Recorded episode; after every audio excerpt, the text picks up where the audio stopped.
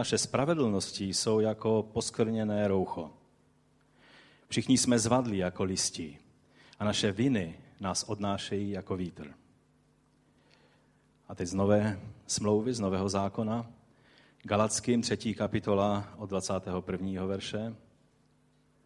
Staví se tedy zákon proti božím zaslíbením? Rozhodně ne. Neboť kdyby byl dán zákon, který by byl mocen obživit, byla by spravedlnost skutku ze zákona. Avšak písmo uzavřelo všechno pod hřích, aby bylo dáno zaslíbení z víry Ježíše Krista těm, kdo věří. Efeským 2. kapitola od 8. verše po 10. Neboť jste zachráněni milosti skrze víru. A ta záchrana není z vás. Je to boží dar. Není na základě skutků, aby se nikdo nechlubil. Vždyť jsme jeho dílo, stvoření v Kristu Ježíši k dobrým skutkům, které Bůh předem připravil, abychom v nich žili. A teď slovo z Jakuba ze čtvrté kapitoly, které jsme měli, nebo máme celou dobu před sebou, 17. verš. A budu to, toto slovo číst z Bible 21. Eh, století. Umět jednat správně, ale nejednat je hřích. Pane, my tě prosíme, aby si otevřel toto slovo před námi a nám pomohl otevřít naše srdce na tvé slovo. Prosíme tě o to, Otče, ve jménu Ježíše Krista. Amen. Amen. Můžete se posadit. A včera byl pohřeb jednoho velice významného člověka. Víte, kdo to je? Kdybychom nebyli republika, tak by jeho portrét vysel na stěnách v každé, v každé třídě, na každém úřadu, protože by to byl náš český král. Otto von Habsburg. Eh, měl 98 let, když zemřel a včera měl pohřeb. Tak jsem si říkal, že to je dobré si to připomenout.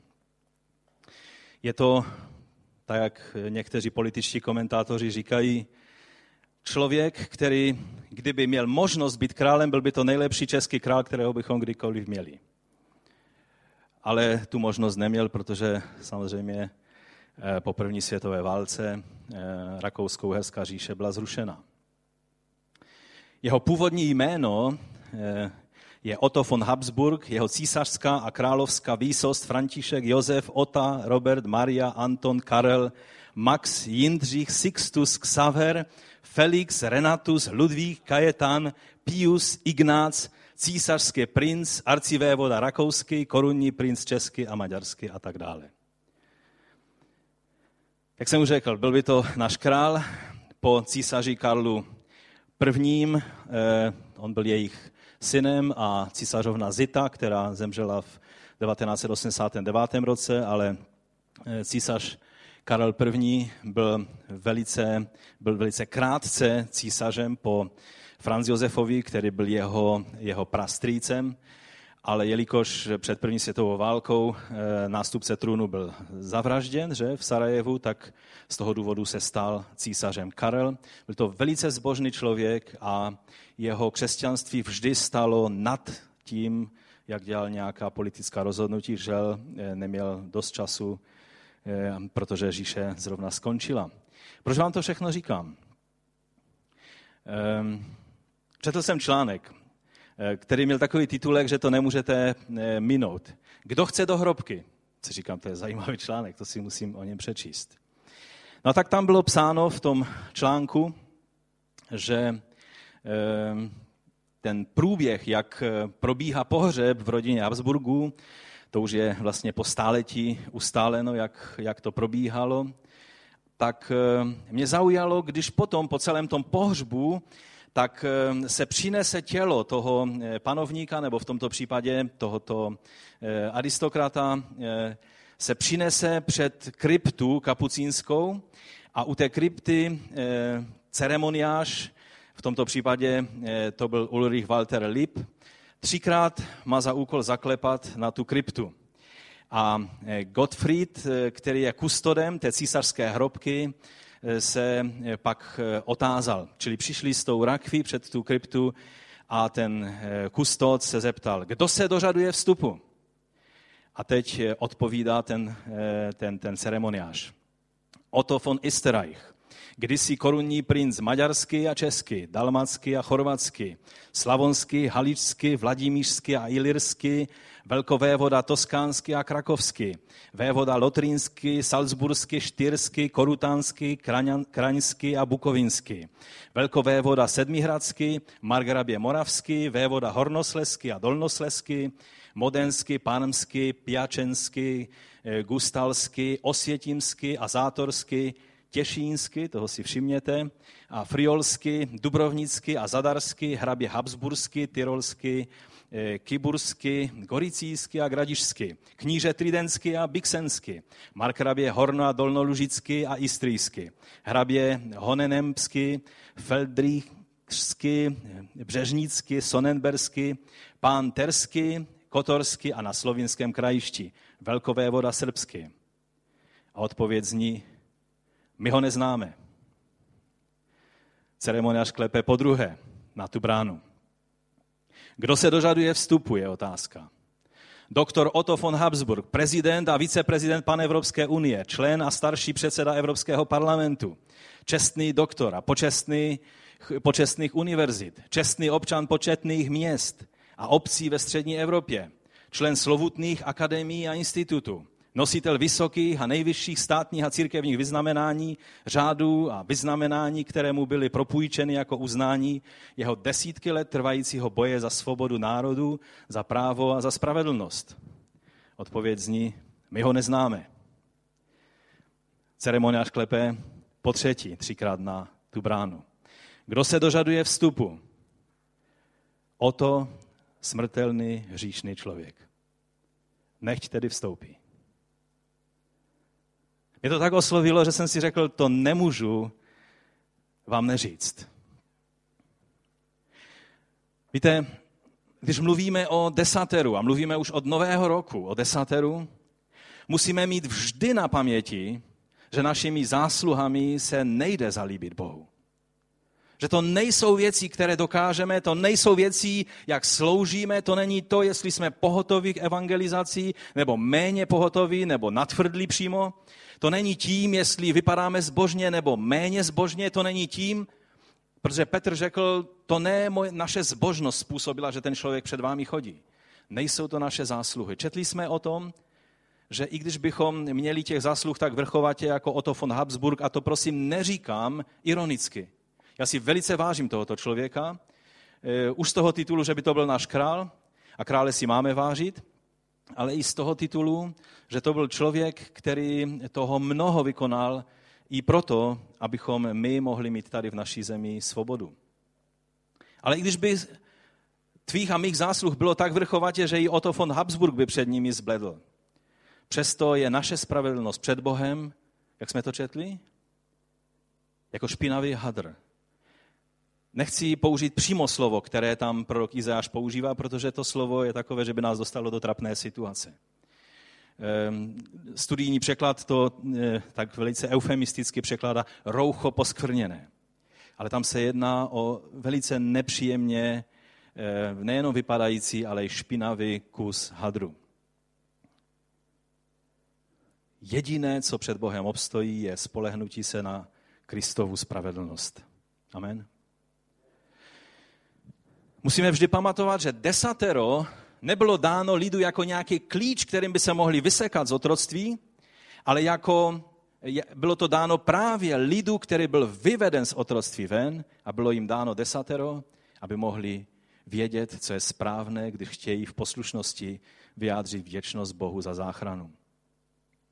Takže desatero nám je dáno jako nástroj našeho posvěcení, ne našeho spasení.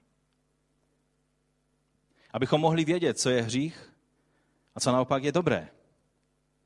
Protože to, co se zdá v mých očích dobré, ještě není řečeno, že to je dobré.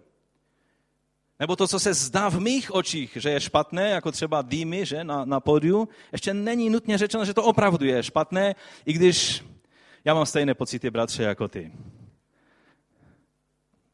Nevidím žádný v tom účel, ani smysl, ani, ani nechápu proč, ale snažím se pochopit, že jsou lidé, kteří mají pocit, že se tím přiblížují ke své kultuře, ať je pan požehná, haleluja, amen.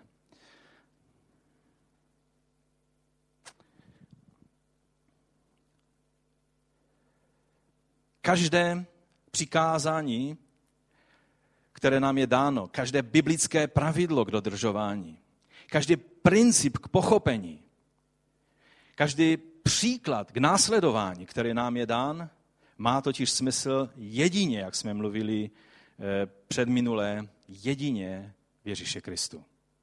V Kristu je každé přikázání amen, každé zaslíbení je amen a my skrze Ducha Svatého máme zmocnění, abychom mohli žít podle Boží vůle. Mimo Krista není nic, jen marná lidská snaha a trápení. Každé náboženské pachtění člověka je jen lidská snaha, která je marná a která nevede do cíle. V Kristu skrze milost, jak už to tady v těch svědectvích skvěle zaznělo, je to, co můžeme prožívat a přijímat od Boha. Teď přistupujeme eh, k druhé části dekalogu. První část, posledních pět kázání, bylo o čtvrtém přikázání. O tom, abychom pamatovali na sobotu, abychom, abychom vstoupili do odpočinutí v Kristu, abychom prožívali, tak tady bylo řeč o jubilejním dnu, takže eh, vlastně, eh, ten, nebo jubilejním roku, tak eh, to je vlastně vyjádření, ten předobraz, ten stín reality, která je odpočinutí v Kristu. O tom všem jsme mluvili a tak někteří už se tak poptávali, včetně Ester Potrusilové z Ameriky. Je to skvěle všechno, ale kdy už bude páté přikázání? Páté přikázání bude začínat a mělo, nebo začínáme je takovým tím úvodem dnes. A ono zní následujícím způsobem. Ctí svého otce i matku, ať si dlouho živ na zemi, kterou ti dává hospodin tvůj Bůh. Je to o rodině. V, těch, v té první části, v těch prvních přikázáních jsme mluvili o tom, jaký máme mít postoj k Bohu. V druhé části budeme mluvit o tom, jaké skutky jsou hříchem, jaký máme mít postoj vůči svým blížním, abychom vůči ním i vůči Bohu nehřešili. A uprostřed těchto přikázání je páté přikázání, které je prvním, jak je řečeno, eh, ze zaslíbením. A mluví ne o tom, co nesmíme dělat, tam není řečeno nic, co bychom neměli, ale naopak, všimněte si, je tam řečeno, co máme činit. Či není tam řečeno nebudeš, ale je tam řečeno ctí. Budeš. Pokud nebudeme dělat to, můžeme být dokonale čistí od toho, abychom nedělali věci špatné, ale pokud nebudeme dělat tu správnou věc, máme hřích a přestupujeme páté přikázání. Dnes v úvodu jsme četli k tomuto přikázání slovo, které obsahuje velice důležitý biblický princip, který je třeba pochopit ještě dříve, než budeme mluvit o tom, jak se Bůh dívá na rodinu, na postoj dětí k rodičům, rodičů k dětem, co, eh, co to je rodina a co naopak rodina není. To jsou všechno zajímavé otázky, budeme, budeme o nich mluvit. Ale teď ještě bychom se vrátili k tomu slovu umět jednat správně, ale nejednat je hřích. To je slovo, které souvisí s pátým přikázáním. Je to slovo z Jakuba a je velmi, když bychom četli ten kontext, tak je velmi volně to slovo posazené do svého kontextu. Jako by tam ani nepatřilo. Jako by Jakub mluvil celou dobu o něčem jiném a najednou se tak nějak utrhnul s tím slovem a říká si, musím jim zacitovat to jedno, ten jeden citát, protože to je evidentně citát, z toho důvodu, že tam eh, nebudeme si vysvětlovat gramatické důvody. Prostě je to, je to evidentní z toho, jak Jakub použil řečtinu, že je to citát. Zdá se, že je to eh, citát zapomenutých eh, výroků pána Ježíše, že ještě některá slova, která nebyla v evangelích, tak občas se objeví jak u apoštola Pavla, tak tady u Jakuba je to taky takováto věta. Umět jednat správně a nejednat je hřích. Ovšem, protože je tam takové maličké slovíčko, které v té Biblii 21 ani není přeloženo, eh, to slovičko je dosti důležité, protože ono nám dává na vědomí, že Jakub skutečně to zasadil do kontextu toho celého textu. Ten kontext zní následovně od 13. verše. Nuže, nyní vy, kteří říkáte, dnes nebo zítra půjdeme do toho a toho města a zůstaneme tam rok, já teď čtu z studijního překladu, eh, a budeme obchodovat a vydělávat, nevíte, co bude zítra. Co je váš život? Vždyť jste pára která se chvilku ukazuje a potom mizí. To zní hrozivě. Místo toho byste měli říkat, bude-li pán chtít, budeme naživu a uděláme to nebo ono. Vy se však chlubíte ve své chvástavosti. Každé takové chlubení je zlé. Kdo tedy, tam je to slovičko tedy, čili to je jakoby uzávěr celého toho úseku, jakoby e, Jakub chce říct, tímhle to uzavírám, to vysvětluje to, co jsme měli pochopit v těch předešlých verších. Kdo tedy umí činit dobré, ale nečiní, má hřích. To nás přivádí k zamyšlení nad tím, proč to právě zde do toho místa Jakub eh, vložil. Připomíná se nám slovo z přísloví z třetí kapitoly od 27. verše, tam je řečeno, neodpírej dobro těm, kterým náleží, když je ve tvé moci ho prokázat. Neodpírej dobro těm, kterým náleží, když je ve tvé moci ho prokázat. Neříkej svému blížnímu odejdi a pak se vrať, dám ti to zítra, když to máš u sebe. A Septuaginta, to je řecký překlad, eh, který byl udělán ještě před eh, naší érou, eh, před narozením Pána Ježíše, tam má dodatek, že když to máš u sebe a nevíš, co bude zítra, zda to budeš moci udělat. A to nám ukazuje ten, ten, ten význam toho slova. Když můžeš prokázat něco dobrého, nebo třeba dát mzdu dělníkovi, který pro tebe dnes pracoval, nenechávej to do zítřejšího dne, protože nejsi pánem svého zítřka. Nevíš, že tady budeš. Nevíš, jestli ta 100 koruna, kterou teď máš v kapse, zítra ji budeš mít taky. Nemůžeš si být jistý ničím. Je pošetilé říkat, Uděláme to zítra, uděláme to za měsíc, zajedeme tam, uděláme a získáme peníze tím nebo oním způsobem. Víme, jak vratké jsou tyto plány. Do tohoto kontextu Jakob zasazuje tuto větu. Umět jednat správně, ale nejednat je hřích.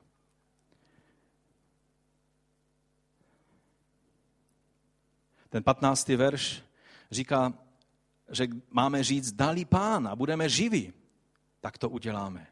Když to bude ještě v našich sílách a Bůh nám dá milost. Máme si být vědomí své závislosti na Bohu. Na tom, že pokud nám dává milost něco udělat, nemáme s tím otálet, protože nevíme, zda bude nějaké zítra. Tu jistotu, kterou máme někdy v tom, že, že nepočítáme s Bohem. Ono to se nemusí projevovat tím, že stále budeme mluvit dálí pán, dálí pán, dálí pán, i když je to dobré, dobré říct, protože tím si připomeneme, že Bůh to taky nemusí dát. To důležité je, jak je to v našem srdci. Jestli skutečně s Bohem počítáme. Ukazuje nám to na potřebu jednat pokorně a s vědomím, že máme zodpovědnost před Bohem za dané příležitosti, které máme teď. A nevíme, jestli je budeme mít i příště, protože nejsme pány své budoucnosti. Amen. Toto je hříchem. Hříchem není jen to, když jednáme špatně, ale hříchem je to, když nejednáme správně, jako bychom měli moc se k té možnosti znovu vrátit a udělat to správně. V některých věcech máme jenom jednu jedinou možnost udělat správnou věc dnes. Pokud ji neuděláme, už nikdy nebudeme mít možnost se k tomu vrátit. A kolikrát si říkáme, kež bych měl možnost se ještě k této situaci vrátit a udělat to jinak je pošetilo si myslet, že tu škálu možností, kterou mám dnes, budu mít i zítra, neudělám to dneska, tak to, tak to ze své milosti udělám zítra. Kdo z nás ví, jestli máme nějaké zítro, zítra? Je to chvástavost a domyšlivost. A to je hřích. Zítra udělám to nebo ono. Odkud můžeme vědět, že bude nějaké zítra? Pro mě už navždy zůstane obrovskou lekcí zkušenost, kterou jsem prožil se svým otcem. A většina z vás jste ho znali. A byl to takový člověk, kterého jak v rodině, tak ve sboru si bral jako součást inventáře. Prostě vždy na každé akci byl, vždy se svým notýskem, všechno si zapisoval, vždy se snažil všechny povzbuzovat, i když nevždy se mu to dařilo. A tak jsem ho tak nějak bral jako samozřejmost. Samozřejmě jsme ho navštěvovali. Jednou v neděli, bylo to po členském zhromáždění, tak jsme byli na procházce, bylo to v zimě, byl mokrý sníh, byli jsme už pak celý unavení z toho sněhu a mokří a špinaví. A, a tak jsme měli ještě v plánu zajet za tátou a navštívit ho, ale pak jsme si říkali, a už jsme unavení a, a mokří a dneska pojedeme a však máme možnost se tam přes týden zastavit za ním. Už to bylo asi dva nebo tři týdny, co jsme ho nenavštívili tehdy. Takže už jsme to cítili, jako že by byl nejvyšší čas, abychom za ním zajeli. Ale jasně, kdy tam zajedeme v pondělí, nebo, nebo ve středu, nebo v některý jiný den. Takhle člověk uvažuje. Žádné příště už nebylo. V pondělí mi zavolal bratr a říká, že táta měl těžký e, infarkt srdce a že umírá. A než jsme dojeli na místo, tak táta už nebyl mezi živými, už byl u pána. Pak jsem prožíval takové možná dva, možná tři měsíce spytování před pánem. A přemýšlení, proč jsem to tímto způsobem udělal. Proč, když on mi řekl, stav se někdy za mnou, chtěl bych ještě s tebou mluvit. Takhle ve čtyři oči. A jo, jo, samozřejmě stavím se a neudělal jsem si ten čas. Je to troufalost a já jsem musel činit velice zevrubné pokání z tohoto svého postoje, protože, protože jsem jednal, jako by to zítra bylo samozřejmostí, ale to zítra není samozřejmostí. Není ve tvé, není v mé ruce. A proto, co víš, že můžeš udělat a víš, že je správné, tak to udělej dnes. Protože nevíš, že si zítra budeš mít možnost.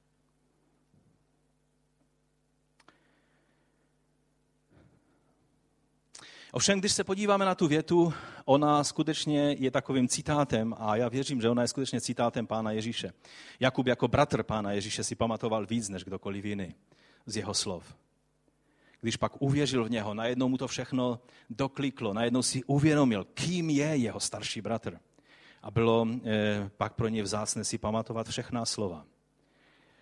Ta věta může stát samostatně, a je to vlastně takový nejvýraznější výrok, který nám ukazuje na jednu celou kategorii hříchů, a to je hřích opomenutí nebo vynechání.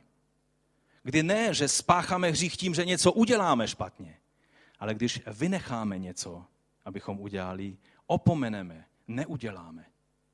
To je celá jedna kategorie hříchů a právě páté přikázání s tímto druhem hříchu velice souvisí.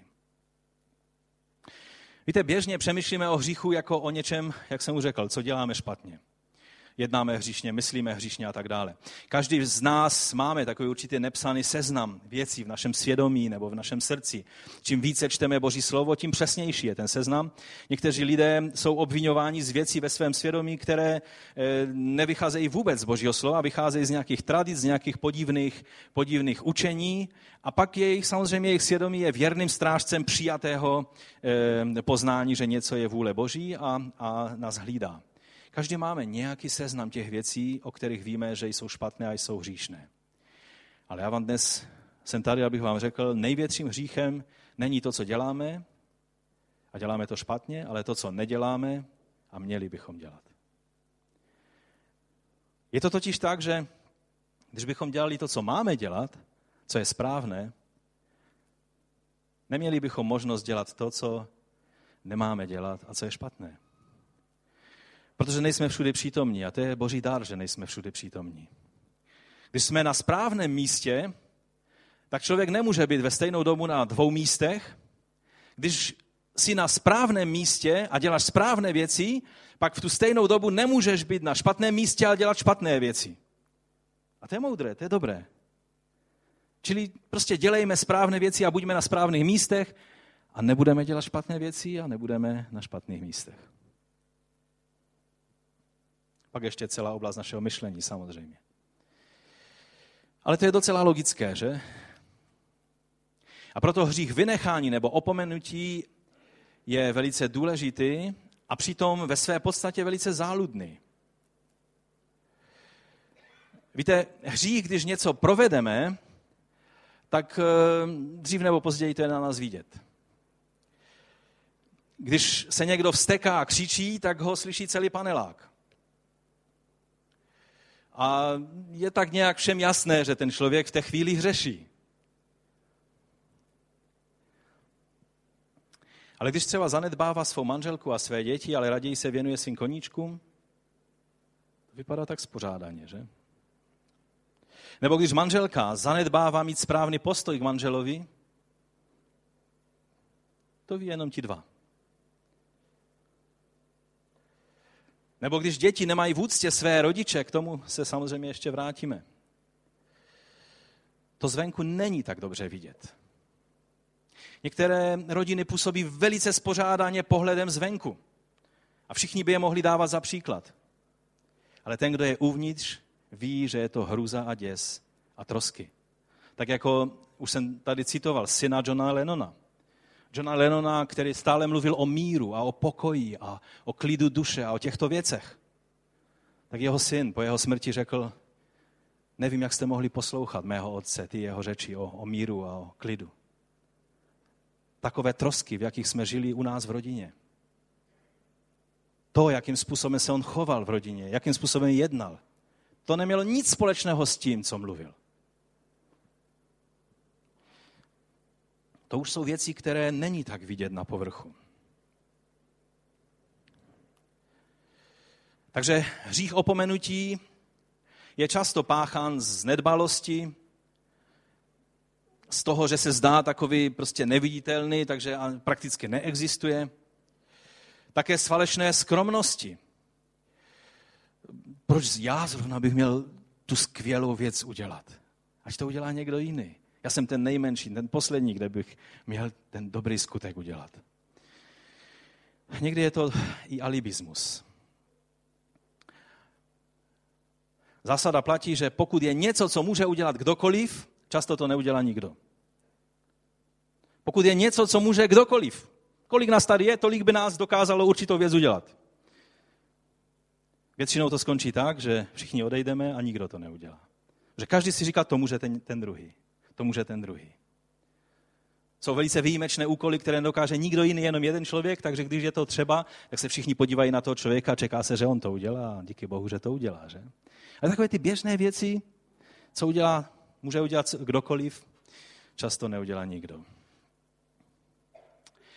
Je to jako v jedné pohádce, je to anglosaská pohádka, v nich není tolik čertů a všelijakých, eh, já nevím čeho všeho, jako v českých pohádkách, tak jsem si vybral anglickou pohádku. O králi, který byl nešťastný z toho, jak jednali jeho lidé. Že každý furt jenom čekal, že král všechno zařídí a, a nikdo nic nechtěl udělat sám. A tak vzal svého dvorního nějakého toho zapisovatele a, a přišli na jednu cestu, tam byla díra v té cestě, dal tam hrnec plný zlata a přikryl ten hrnec eh, kamenem, takovým, který nebyl až tak těžký, aby ho nešlo dát stranou, ale byl takový podstatný, aby si ho každý všimnul. No a šli a za bukem sledovali, co se bude dít. No a šli pastýři s ovcemi a říkají, proč ten král nic s tím neudělá, ty naše ovce se plaší a bojí se toho kamene. Proč nikdo s tím nic neudělá? A, a šli dál. Přišly ženy a říkají si, takový kámen, ještě si někdo ublíží, ještě, ještě si něco udělá. Proč ten král něco ne, nezařídí, aby se ten kámen dal pryč tady z tohoto místa?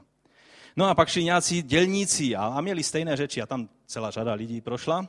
Abych to zkrátil, tak na konci šel malý kluk. Přišel a říká si, to je zvláštní, kámen uprostřed silnice. Rafnul ten kámen a začal ho tahat pryč. Když ho ovšem dal stranou z té silnice, dívá se a tam je hrnec plný zlata. A říká si, toho zlata je tolik, že to může být jedině královo, to nemůže být nikoho jiného, protože kdo by měl tolik zlata. No a jak to v pohádkách bývá, král vylezl spoza buka a řekl, chlapče, protože ten chlapec začal běžet, musím říct králi, že tady je jeho hrnec ze zlatem. Král říká, nikde neběž, pojď sem, ten hrnec je tvůj. No, jako v dobré pohádce, takhle to je. Ale ta pointa je velice nádherná, že každý z těch lidí, který tam šel tím místem, byl schopen ten kámen dát pryč. Ale jedni to čekali od krále, druzí to čekali od ostatních. Jenom malý klučina nefilozofoval nad tím, vzal ten kámen, dal ho stranou a obohatilo to jeho život. A takové to často je v našem duchovním životě. Amen. Edmund Burke, který byl takovým solidním konzervatistou, eh, britským politikem, byl silným kritikem francouzské revoluce, tak on řekl větu, kterou snad každý z nás známe. K vítězství zla stačí, když dobří lidé budou sedět s založenýma rukama. Myslím si, že to je i napsáno v Osvětimi, když vstupujete do toho muzea, tak tam je napsáno, že to stačí k tomu, aby zlo se mohlo rozmáhat. Že ti dobří lidé sedí a nedělají nic, mlčí a mají založené ruce. On řekl ještě druhou zajímavou věc. Řekl, že nikdo nedělá větší chybu než ten, kdo nedělá nic v domění, že to málo, co udělat může, nemá smysl. Velice často se nám ty potřeby kolem nás zdají tak velké, že nám opadnou ruce a řekneme si, to nemá smysl. Tak jako ten malý chlapec, který byl na břehu moře, prezident Bush jednou vyprávěl tento příběh a a ten chlapec bral jednu rybičku, vždycky přišla vlna a vyhodila tisíce rybiček na břeh a ten chlapec šel a po jedné rybičce bral a hazel je zpátky do moře. A přišla další vlna, šup, další tisíce rybiček byly zase na břehu. A on šel a furt hazel ty rybičky do moře. A přišel takový chytrý, vzdělaný muž k němu a říká, chlapče, nezdá se ti, že to nemá smysl, co tady děláš? Ty těm rybičkám nemůžeš pomoci. Podívej se, ty nezměníš jejich život. To je příroda, takhle to je, prostě tady jsou všechny tisíce těch rybiček. A on zrovna držel jednu rybičku v ruce a říká, možná nezměním život všem těm tisícům těch rybiček, ale té jedné ho změním určitě a šup s ní do vody.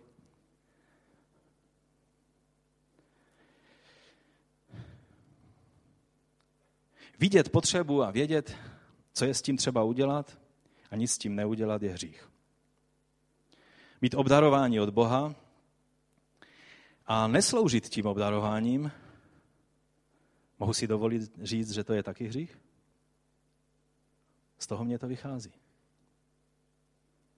1. Korinským 12.7 je řečeno, každému je dávan projev ducha ke společnému prospěchu. Řekl jsem na začátku každému? Není tam jen těm vyvoleným, těm víc duchovním, tím, kteří přijdou do kácečka a už u vchodu se modlí v jazycích. Těm, kteří tančí uchvál, těch, těm, kteří mají dýmy na pódiu, Těm, kteří vypadají tak duchovně, že už ani, ani nejde s nima promluvit o obyčejné věci, protože stále jenom mluví o duchovních věcech. Ne, každému. Každému. Slovo, které byste každý měli znát, protože jsme o něm taky půl roka mluvili, eh, minulý rok, 1. Petrova 4.10. Každý z vás dostal nějaký dar.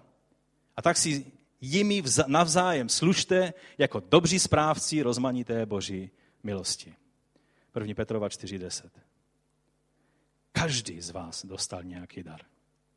Zase tam není řečeno někteří, výjimeční, požehnání, apoštole. Každý z vás.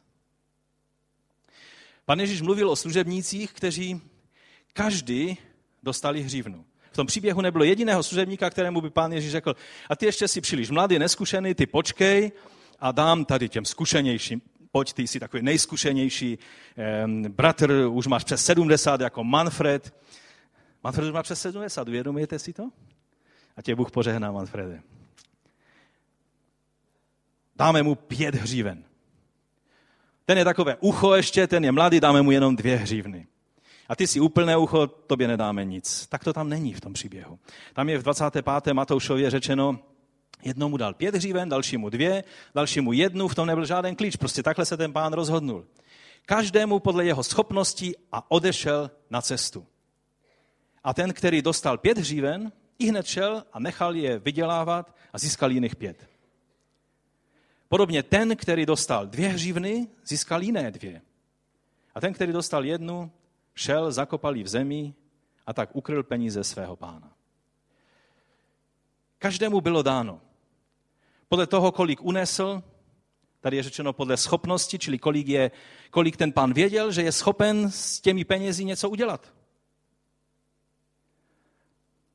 A problém toho s tou jednou hřívnou nebylo, že by nedostal dost, aby mohl udělat adekvátní službu. Víte, co bylo problémem toho člověka? Jeho problémem bylo, že stále řešil to, že má méně než ti ostatní. Takže neudělal nic. Není na nás řešit srovnávání, ale být věrný s tím, co je nám svěřeno. Víte, to je velice častý problém. Srovnávání mezi křesťany, srovnávání mezi sourozenci v rodinách. Někdy rodiče dělají obrovskou chybu, ale o tom ještě budeme mluvit, snad. Že srovnávají děti mezi sebou. Proč ty jsi takový nezbeda, když ten tvůj bratr je takový hodný? To není dobré srovnávat. Každé dítě je jiné. Když potřebuje napomenout, napomeňme, ale nesrovnávejme. Nevytvářejme v dětech to, co přirozeně už je v dětech. Že oni se vždycky srovnávají. I my lidé se srovnáváme. I křesťané ve sboru se srovnávají. A vždycky ta tráva u toho druhého je zelenější než ta moje vlastní. To známe, máme ovečky a když můžou mít sebe lepší trávu, ale když jim otevřeme nový, novou část pastviny, tak běží jako o závod, protože si myslí, že tam to bude skutečně chutnější a zelenější. Takový jsme lidé. Problémem toho jednoho člověka bylo, že tolik řešil to, že má jenom jednu a ti druzí mají dvě a pět, že s tím nic neudělal. A pak se mu samozřejmě všechno potvrdilo, protože i pán ho odsoudil. Přišel pán a řekl, ti všichni jsou dobří, protože s tím pracovali a ty jsi nehodný služebník. No já jsem to věděl, pane. Já jsem věděl, že já budu ten nejhorší. No jasně, to je vždycky ten problém. Všichni jsou dobří, jenom já jsem špatný. Víte, někdy je lepší se zastavit a nesrovnávat, soudit, mít být zahošklý, ale jednoduše ten dar, o kterém vím, že je to dobré a správné, jednoduše s tím něco udělat. A ne zítra, možná pozítří někdy, ale v té chvíli, kdy nám je dána příležitost, protože zítra nepatří k nám. Nevíme, jestli budeme mít nějaké zítra. Toto je správný postoj. Tento postoj byl u toho zpětí, ale samozřejmě ten měl nejvíc, takže tam to bereme jako samozřejmost. Ale ten, co měl dvě, když on měl méně než polovinu, co dostal ten první. On mohl mít úplně stejné mindráky a trauma a já nevím, být zahošklý kvůli tomu, tak on dostal o víc než jednou tolik než já. Já vám chci říct, že my se tak usmíváme jako, jako milému a dobrému vtipu, ale vám chci říct, to je jeden z velice závažných problémů nás, křesťanů. Že tam někde v podvědomí vždycky ty věci srovnáváme. A to nám brání v tom, abychom, když vidíme, že je něco dobré, abychom jednoduše šli a udělali to. Pan Ježíš říká jeden zvláštní příběh ve 12. kapitole Lukáše, že služebník, který znal vůli svého pána, tam je doslova otrok. Od otroka se očekávalo, že ví, co má dělat a bude dělat, co má dělat a nebude čekat, že mu všichni budou tleskat a děkovat za to, že to dělá. Takový je úkol otroka. A chci vám říct, že když je ve studijním překladu řečeno, eh, že jsme otroci Ježíše Krista, tak je to přeloženo velice správně. Služebník, který znal vůli svého pána, ale nepřipravil se a nejednal podle jeho vůle, bude hodně být. Co to býtí znamená vůbec, ani se nechci snažit vysvětlovat, protože je to hodně nadlouho, abychom, si, abychom pochopili, o čem, o čem je tady řeč. Jedná se mi dneska o to, že prostě se to pánu nelíbí a bude, budou z toho konsekvence, eh, nějaké důsledky. Ten, který neznal, bude být méně, i když dělal trestuhodné věci. A teď poslouchejte, komukoliv je hodně dáno, od toho bude hodně vyžádáno. Komu svěřili hodně, od toho vyžádají víc. Když nám bylo svěřeno hojně poznání Boží vůle, bude od nás hodně očekáváno. Je proto lepší zůstat v ignoranci, v nevědomosti? Ne. Protože by to byl alibismus. Máme toužit po poznávání Boží vůle, ale nejenom proto, abychom si řekli, to vím, to znám, to jsem už četl taky. ale abychom, když víme, jak je správné jednat, abychom takto jednali. Jsme spaseni z milosti Ale když jsme spasení, máme jednat tak, abychom dělali to, co je Boží vůli, a ne abychom jednali podle své vole. A toto nás přivádí k závěrečné věci a k pátému bodu, a to je, že s poznáním přichází zodpovědnost. Tam u Jakuba to slovo, kdo ví, nebo kdo umí, tak to slovo je tam e, řečeno, e, nebo je, je, je zdůrazněno. E, znamená e, plně vědět. Být si plně vědomý. Nemít jenom nějakou ml, mlhavou představu, ale skutečně vědět. Když víme, co se děje, když si uvědomujeme, co se děje a máme možnost tím něco udělat a nic s tím neuděláme, tak máme hřích. Když jsme bezradní a nevíme, co máme dělat, pak nám Bible radí, modli se a modli se v jazycích, protože duch ví, jak se máš přimlouvat.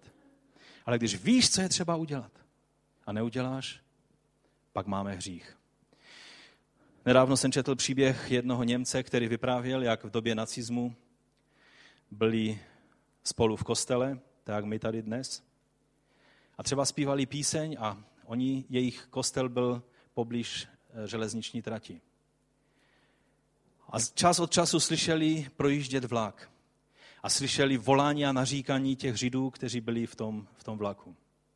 A on říká, to jediné, co jsme udělali, bylo, že jsme začali horlivěji zpívat, hlasitěji zpívat.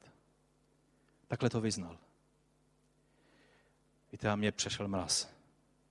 Já jsem si najednou uvědomil, že tou horlivou, horlivým zapojením do chvál vlastně přikrývali to, co věděli, že by bylo správné, že by měli udělat. Máme ovšem jiné příklady z opačného soudku. Tu ženu vám nemusím představovat. Matka Teresa. Někdo bude řešit, z jaké byla denominace. Já vám chci říct, když dělala věci, které jsou správné před Bohem, žádný anděl v nebi nevytáhne knihu z které jsi denominace a ta je podezřela, z toho ne. Ale protože věděla, co je dobré a co lze udělat s malými dětmi v Kalkatě v Indii, tak ona, albánská misionářka z malého národa, jela a převrátila Indii vzhůru nohama pro Krista v této věci. Sloužila těm nejchudším z chudých v Kalkatě. Byla to jen jedna žena. Co může udělat jeden člověk? hodně, pokud dělá Boží vůli. Často se říká, že za doby nacismu se, nedělalo dělat, eh, se nedalo dělat nic. Že to byla doba teroru a hrůzy. Každý byl rád, když sám přežil. Ano, ale byli lidé, kteří toho udělali hodně. Určitě vám nemusím představovat tohoto člověka. Sir Nicholas Winton. Teď už mu je snad 100 let, nebo přes 100 let. Zachránil téměř 700 dětí protože měl tu možnost, že měl informace a taky i politické cítění, že věděl, kam to všechno v Evropě směřuje. A tak vypravoval jeden vlak za druhým do Anglie, aby pomohl dětem židovským pryč z místa, kde jim hrozilo smrtelné nebezpečí, tady z Čech. A dělal to a každou minutu té šance, která mu byla dána, on věděl, že neví, jak dlouho to bude, nebyl pánem zítřka, ale věděl, že dnes, když vypravím jeden vlak, ty děti, které v tom vlaku budou, už budou v bezpečí. Dělal to až do poslední chvíle, kdy ten poslední vlak, který už byl připravený, už Němci zastavili a nepustili dál. Každou minutu využil, aby pomohl. A nepřipisoval si nějaké zásluhy. Tam někde na půdě měl krabici s informacemi o tom a manželka při jednom úklidu po 50 snad letech na to přišla. A on říkal, no jo, to jsem dělal, kdy to by udělal každý. Každý?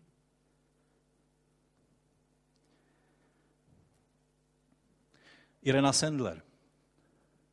Často se mluví o Polácích, kteří ještě spíš pomáhali Židům do hrobu. Ale byly tisíce takových, jako byla Irena Sendler, která věděla, že Poláci jsou ve válce. To nebylo jako Češi za protektorátu vůči Němcům.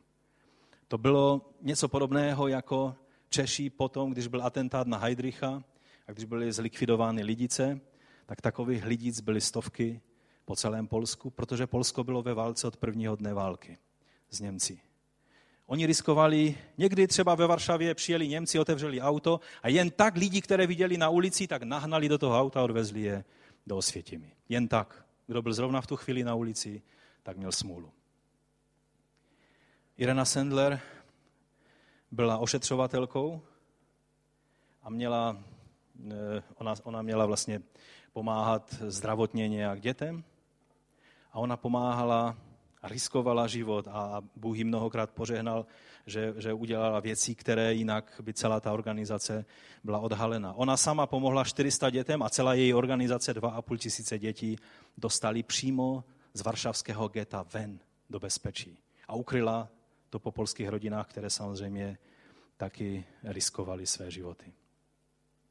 Nedávno jsme byli v Krakově a viděli jsme lékárnu v té části Krakova, kde je podhůří se to jmenuje, kde bylo ghetto.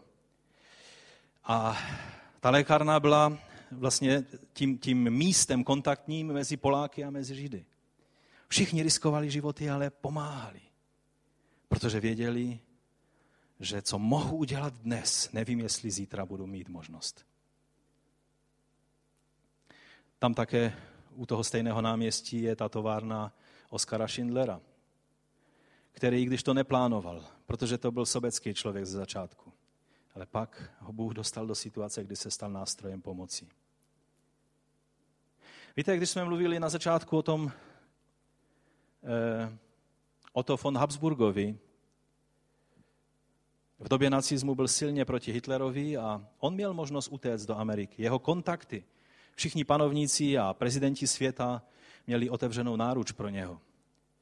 Ale než utekl, tak pomohl 15 tisícům Židů se dostat z Rajchu ven do bezpečí. 15 tisícům. To všechno je svědectví o tom, že se dá mnohé udělat, když nejen, že se nepodílíme na páchání hříchu. Já s tím nemám nic společného, já nedělám nic špatného. Amen, haleluja. Ale je otázka, jestli děláme to, co je správné a dobré, když nám je k tomu dána příležitost. Povstaňme k modlitbě.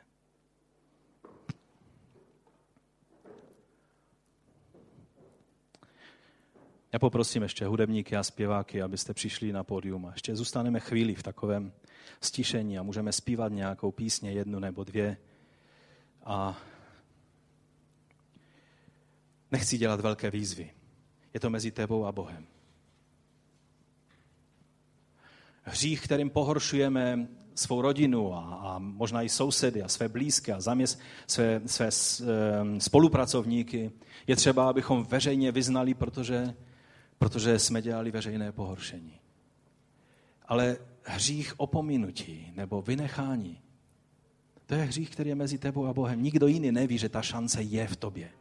Že, že jsi dostal od Boha tento dar nebo tu možnost něco s tím udělat. A proto teď je chvíle každého jednoho z nás před pánem a řekněme pánu, odpust, pokud cítíme, že tak je to správné. Teď si víc uvědomujeme, jak, jak obrovský dar to je, že nejsme spaseni z toho, jestli naplňujeme takováto přikázání nebo ne. Ale že je to dar milosti, protože nikdo bychom neobstal. Je tady někdo, kdo by obstal? Nikdo z nás. Pokud by se někdo přihlásil, pak je to jenom nevědomost ze strany toho člověka. A proto ti, pane, děkujeme za to, že jsme spaseni z milosti. Za tvé zásluhy, že jsme ještě větší hříšníci, než byl Ota von Habsburg. My ti děkujeme i za tento příklad toho symbolického vyjádření, že žádné zásluhy a tituly a vzdělání a možnosti a vliv a dokonce i původ a to všechno není to, co nás, co nám dovolí vstoupit před tvoji přítomnost, ale jedině milost, protože jsme omilostnění hříšníci. My ti za to děkujeme. Ale pane, dej, abychom to nepoužívali jako alibi k tomu, že nemůžeme nic udělat. Dej, abychom jednali podle tvé vůle, abychom jednali správně, když víme, že je možné něco udělat Pane, já tě prosím, odpust nám každému jednomu. To, že bylo mnoho věcí, které si pro nás připravil a my jsme do nich nevstoupili, jenom protože jsme si mysleli, že příště bude zase nějaké příště. Odpust mě, pane.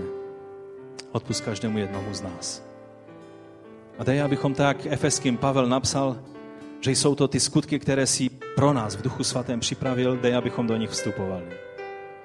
ale abychom to činili ve svobodě a v natření a, a v tom tvém požehnání, abychom z toho neudělali zase další nějaký, nějaký chomout, nějakou, nějakou těžkou povinnost, ale abychom v radosti z Ducha Svatého a ze svobody, kterou dáváš, mohli vykonávat tvoji vůli, která je příjemná a která je to, co nakonec vždycky jsme my ti požehnaní. Tak jako ten kluk zjistil, že ten, ten hrnec zlata patří nakonec jemu, tak my vždy nakonec zjistíme, že když sloužíme jiným, jsme my především požehnání. Já ti děkuji za svědectví Vladka Bocka, když mi to řekl. Že když sloužili, tak nakonec zjistil, že on sám byl požehnaný. Ano, tak to je vždy s námi, pane. A my ti za to děkujeme a chválíme tvé jméno. Amen.